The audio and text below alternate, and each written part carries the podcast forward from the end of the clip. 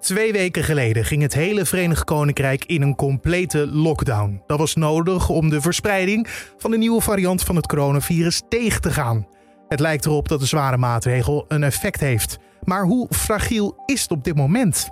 Dit wordt het nieuws. Er zijn gewoon tal van ziekenhuizen waar ja, het, het, water aan de lippen staat van de artsen en uh, 90% of hoger van de capaciteit van het ziekenhuis bereikt is. Anna Sane, RTL-correspondent in het Verenigd Koninkrijk was dat. En straks hoor je haar over het effect van alle zware maatregelen, de druk op de zorg en hun vaccinatieprogramma. Maar eerst kijken we kort naar het belangrijkste nieuws van nu. Mijn naam is Carne van der Brink. Het is vandaag dinsdag 19 januari. En je luistert naar de Dit wordt het nieuws middagpodcast.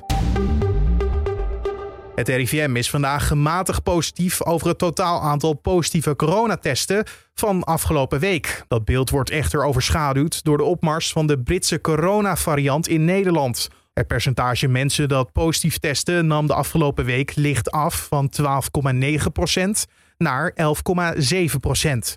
Die daling is volgens het RIVM zichtbaar in alle leeftijdsgroepen en ook het aantal nieuwe ziekenhuisopnames was vorige week iets lager dan de week daarvoor. Het kabinet komt nog deze week met extra maatregelen om de coronacrisis te bestrijden. Woensdag aan het begin van de middag wordt er een persconferentie gehouden, zo laat coronaminister Hugo de Jonge weten. Het kabinet koerst af op een avondklok. Deze zou ervoor moeten zorgen dat de sociale contacten in de avonduren beperkt worden veel besmettingen vinden nu namelijk plaats bij mensen thuis, bijvoorbeeld door visite over de vloer.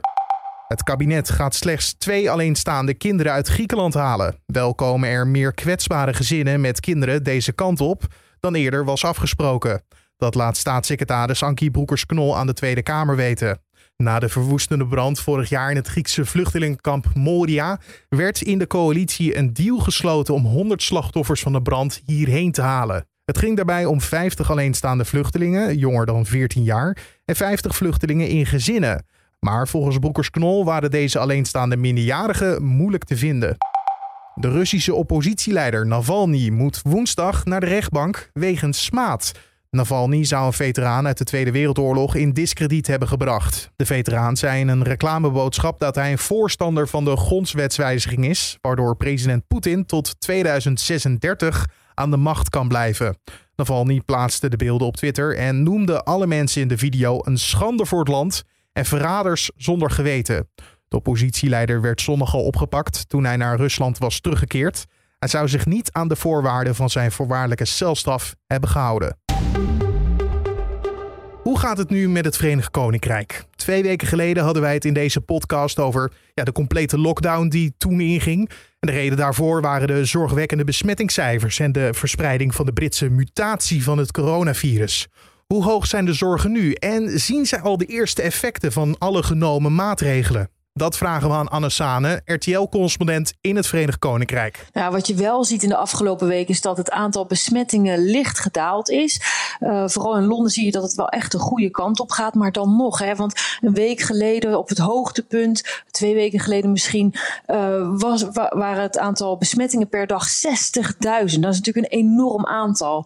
Uh, inmiddels is dat zo rond de 40.000. Soms nog piekt het een beetje naar 50.000. Maar het is wel aanzienlijk naar beneden gegaan. Maar dan nog het aantal, de druk op, op ziekenhuizen is daardoor niet verminderd. Want het aantal mensen die uh, in ziekenhuizen worden opgenomen, dat gebeurt natuurlijk iets later dan op het moment dat ze besmet raken. Dus uh, er gaat een paar dagen overheen voordat ze zo ziek worden dat ze ook echt naar het ziekenhuis moeten. Geldt hetzelfde natuurlijk voor sterfgevallen. Daar gaat wat tijd overheen. Dus het aantal opnames in Engeland en in Londen in het bijzonder en het aantal sterfgevallen, dat zien we de komende tijd nog niet zo snel naar beneden gaan. Want we hebben allemaal de heftige beelden gezien van de ambulances die in de rij stonden voor de ziekenhuizen. Zie je dat soort beelden nog steeds voorbij komen? Ja, absoluut. En, en dat heb ik ook uh, artsen horen zeggen.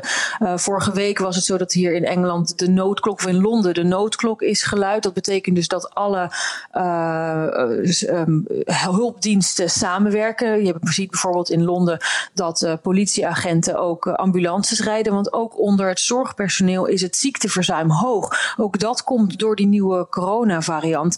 Waardoor mensen natuurlijk sneller besmet raken. En vooral de mensen die in contact zijn met coronapatiënten. Ook dus bij de zorg is dat ook een, een, een aspect waardoor de druk zo hoog is. Uh, in bepaalde ziekenhuizen in Londen um, is de, de, kinderafdeling bijvoorbeeld helemaal uh, ontruimd. Alle kinderen zijn naar een andere locatie verplaatst en wordt nu gebruikt als een uh, ja, intensive care voor alleen coronapatiënten. En dat geldt voor meerdere ziekenhuizen die hele vleugels hebben bestemd voor coronapatiënten. En ja, ook in de media zie je het, de, de, de artsen luiden echt een noodklok zoals we dat eerder uh, in, in de, de lente zagen in Italië. Um, er zijn gewoon tal van ziekenhuizen waar ja, het, het, water aan de lippen staat van de artsen en uh, eh, 90% of hoger van de capaciteit van het ziekenhuis bereikt is. Ja, en eh, dus heb je het al over een code zwart situatie of proberen ze dat zoveel mogelijk uh, te voorkomen? Dat, dat de zorg niet geleverd kan worden die ze willen geven? Nou, code zwart is nog niet helemaal bereikt, of in ieder geval niet op grote schaal. Misschien dat er hier en daar een ziekenhuis is geweest. Ik geloof dat Whittington Hospital in Noord-Londen wel vorige week of de week daarvoor op 100% capaciteit zat. Uh, maar de, de, patiënten daar zijn wel, hebben wel naar ziekenhuizen in de omgeving gebracht kunnen worden. ik heb code zwart verder nog niet gehoord, maar het scheelt niet veel. En het is gewoon heel erg oppassen geblazen om dat niet te bereiken. Vandaar ook nu dat er natuurlijk een eh, strenge lockdown hier geldt. Lijkt erg op de lockdown in Nederland. En ja, we zien dus wel langzaam dat dat begint te werken. En dat moet absoluut zo blijven. Ook al wordt de lockdown niet zo nageleefd als eh, in de lente, afgelopen lente. Mensen ook in Groot-Brittannië zijn er toch wel ja, ook uh, misschien wat uh, moe van of, of kunnen het niet meer volhouden, niet te gaan werken, niet de straat op te gaan. Maar dan nog ja, is het toch wel een stuk strenger dan bijvoorbeeld in december. Waardoor eigenlijk die, die piek die we nu zien, die komt natuurlijk uit de tijd van de kerstperiode. Waar toen Boris Johnson nog weigerde, of veel te laat eigenlijk, de nieuwe maatregelen instelde. En laten dan de cijfers zien hoe fragiel het is. Enerzijds positieve besmettingscijfers maar de ziekenhuizen staan nog steeds onder hoge druk. Ja, absoluut. absoluut. Ja, ik bedoel, daar valt niet eh, over te twisten. De ziekenhuizen hier lopen gewoon over, één voor één. Uh, van de 21 ziekenhuizen die er in, in Londen zijn, zijn er 16 die, uh, ja, wat ik al zei, 90% aan capaciteit hebben of hoger dan dat. Dus, en, en dat, we horen dat ook ja, veel in de media. Artsen luiden noodklok. ze spreken zich veel meer uit dan tijdens de eerste pandemie. Ik hoorde gisteren een zuster zeggen de, de, tijdens de eerste golf waren we eigenlijk naïef. En we hadden nooit gedacht dat de tweede golf zoveel heftiger zou zijn. Dat komt mede natuurlijk door de Britse variant van het virus, die een stuk besmettelijker zou zijn. Ja, hoe wordt daar op dit moment in het VK naar gekeken? Ja, zoals in Nederland heb ik het gevoel dat uh, iedereen uh, zit te wachten tot die Britse variant toeslaat in Nederland. En of we dezelfde soort situaties gaan zien in Nederland als nu zich in Groot-Brittannië afspelen. Ik weet niet of dat één op één te vergelijken valt. Kijk, het verschil met uh, Nederland is dat hier in Groot-Brittannië, wat ik al zei, de, um, de maatregelen in december veel soepeler waren. Er is een lockdown geweest in oktober, november. Ik kan zelf de tijdspan al bijna nauwelijks meer bijhouden, want de maatregelen die veranderden voortdurend. Uh, van een lockdown gingen we naar tier 4 in, in Londen. Uh, maar ja, dat betekende nog steeds dat de scholen open waren, dat mensen toch eigenlijk uh, wel nog veel op straat kwamen, dat de restaurants in tot in december ook nog open waren. Ook al moest je dan wel binnen met je eigen gezin in een restaurant of in een pub zitten en mocht je niet mixen.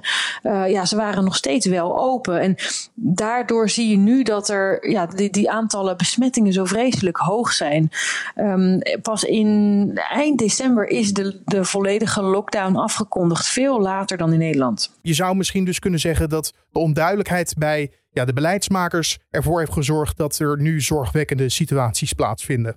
Dat lijkt er wel op. Uh, en kijk, dan moeten we natuurlijk niet vergeten dat de nieuwe variant absoluut veel besmettelijker is dan, uh, dan de, de gewone variant, als ik, zoals ik het mag noemen, uh, van, van het coronavirus. Dus daar moet absoluut op gelet worden. Mensen moeten zich strenger gedragen en moeten zich ja, aan de afstand houden, hun handen blijven wassen, alle basisinformatie die we in de afgelopen maanden gehad hebben. Dat is absoluut heel belangrijk. En, maar ja, het is, het is de vraag of, of het, de situatie in Nederland net zo ernstig zal worden als in Engeland. Ik hoop het niet. Nee, je zei ja, de, de, de lockdowns van beide landen, dus van de Verenigd Koninkrijk en van uh, Nederland, zijn een beetje te vergelijken.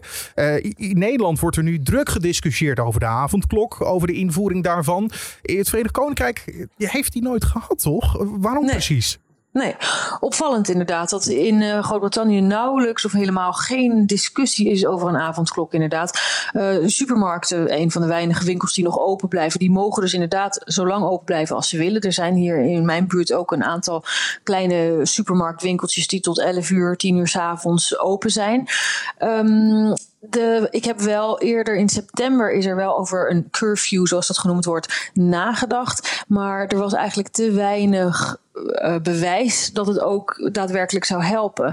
Uh, op straat s'avonds is het sowieso rustig. Je ziet nu ook dat vanwege de strenge lockdownregels het aantal besmettingen toch langzaam maar zeker naar beneden gaat. En het lijkt erop of um, ja, de Britse regering daarmee genoegen neemt. Want de reden waarom er niet gekozen is voor een avondklok heeft dat toch te maken met hoe Britten sowieso kijken naar de inperking van uh, ja, hun vrijheid? Nou, ik weet dat aan het. Um, Boris Johnson heeft aan het begin van de pandemie duidelijk wel gesproken over het beperken van vrijheden van Britten, dat hij daar absoluut grote moeite mee had. Uh, dat zou een reden kunnen zijn waarom hij ook niet aan een avondklok zou willen. Maar er is eigenlijk zo weinig discussie over geweest dat ik hem ook helemaal niet over een avondklok heb horen praten. Dus wat de achterliggende gedachte is om dat niet in te voeren, dat weet ik niet precies. Het enige wat we eerder gezien hebben in de herfst, toen er ja, over een, een, een curfew zoals we die in Frankrijk hebben gezien, uh, gesproken werd, was dat er te weinig bewijs was, en, maar ook te weinig onderzoek naar hoe effectief dat nou eigenlijk is. Het is natuurlijk al vaker gezegd dat het belangrijkste middel tegen het virus de vaccins zijn. Uh, maar overdrijf ik als ik zeg dat VK op dit moment in de hoogste versnellingen aan het uh, prikken is? Ja, Groot-Brittannië is absoluut de, de, het uh, vaccinatiekampioen van Europa. Dat mag je echt wel zo zeggen. Uh, meer dan uh, 4 miljoen Britten zijn, hebben al een prik gehad. Je ziet daar ook een, een absoluut, zoals ze dat hier noemen, een can-do attitude. Alles wordt geregeld, alles op alles wordt er gezet om dat vaccin maar te kunnen geven. Er worden allerlei grote centra ingericht. Afgelopen weekend zijn er tien nieuwe centra door Engeland geopend. Een, een rugbystadion, een eeuwenoude kathedraal. Allemaal ingericht om op een veilige manier dat vaccin toe te kunnen dienen. Er worden ook, of er zijn misschien al uh, vaccinatiecentra uh, geopend die 24 uur per dag open zijn. Dus ja, er wordt heel snel doorgeprikt. Er zijn wel wat. Um, strubbelingen geweest. We hebben gezien dat afgelopen week uh, ze zich niet aan de, het doel konden houden om uh, per week een, bepaald aantal mensen te vaccineren. Er was wat vertraging in het afleveren van het vaccin. Maar ja, over het algemeen genomen, als je kijkt hoe snel dat gaat, dan, dan, dan schiet het aantal mensen die het vaccin hebben ontvangen wel echt omhoog. vandaag of gisteren zijn ze begonnen met het vaccineren van mensen 70-plussers. Dus het, de eerste topcategorie is, uh, is al aan de beurt geweest. En nu zijn het de 70-plussers die uh, gevaccineerd worden. Maar staat daardoor de veiligheid niet op het spel? Want bij hoge druk kan je fouten maken. Tot nu toe nog weinig gehoord over uh, alleen maar uh, veel positieve geluiden van mensen die het vaccin gekregen hebben. Dat het op een veilige manier met veel afstand, schoon, rustig en heel georganiseerd allemaal verloopt. Dus ja, eigenlijk geen berichten tot, voor, voor, tot nu over ja, dat er dingen echt flink misgaan met het vaccinatieprogramma. Dus er zijn positieve ontwikkelingen, maar dat moet wel gepaard gaan met een flinke dosis voorzichtigheid. Want ze zijn er nog lang niet, hè? En, en dat is het probleem. Uh, we zijn er inderdaad nog lang niet hier in Groot-Brittannië. Uh, en de druk kan ook zo, zo, zo, zodra je de maatregelen verslapt en het aantal uh, besmettingen weer omhoog gaat, dan ben je weer terug bij af. Dus er is, oh, het is ook absolute zaak dat de lockdown die nu geldt, de komende weken zeker nog gaat blijven gelden. Dat zeggen ze ook al. zoals in Nederland begreep ik dat vanaf februari langzaam de maatregelen weer versoepeld worden. Hier praten ze toch over maart. En ik hoorde eerder op straat al mensen die zich eigenlijk geestelijk aan het voorbereiden zijn. dat dit ook misschien zelfs wel tot en met april zou kunnen gaan duren. Vanuit Engeland was dat Anne Sane, correspondent voor RTL. En dan het weer. Vanavond en vannacht is het bewolkt met af en toe regen of motregen. Het wordt niet kouder dan 5 graden. Morgen houdt bewolking de overhand en verspreid over het land valt wat regen of motregen. De temperaturen kunnen schommelen rond de 10 graden en het blijft stevig waaien. En tot zover de Dit wordt het nieuws podcast voor deze dinsdagmiddag 19 januari. Je kan de podcast beter maken door een ja, feedback, vragen of suggestie, mailtje te sturen naar ons mailadres podcast.nu.nl. Zet erin uh, wat je goed vindt aan de podcast, wat je beter zou willen zien. Uh, of uh, misschien heb je wel een suggestie waar we een keer aandacht aan zouden kunnen besteden. Laat het ons weten via ons mailadres podcast.nu.nl. En vergeet je ook niet te abonneren op deze podcast. Het is gratis en dat doe je in je favoriete podcast app zoals een Spotify, Apple Podcast of Google Podcast. Mijn naam is Carne van der Brink. Ik wens je een hele mooie dag, mooie avond of mooie ochtend wanneer je dit luistert. En tot de volgende.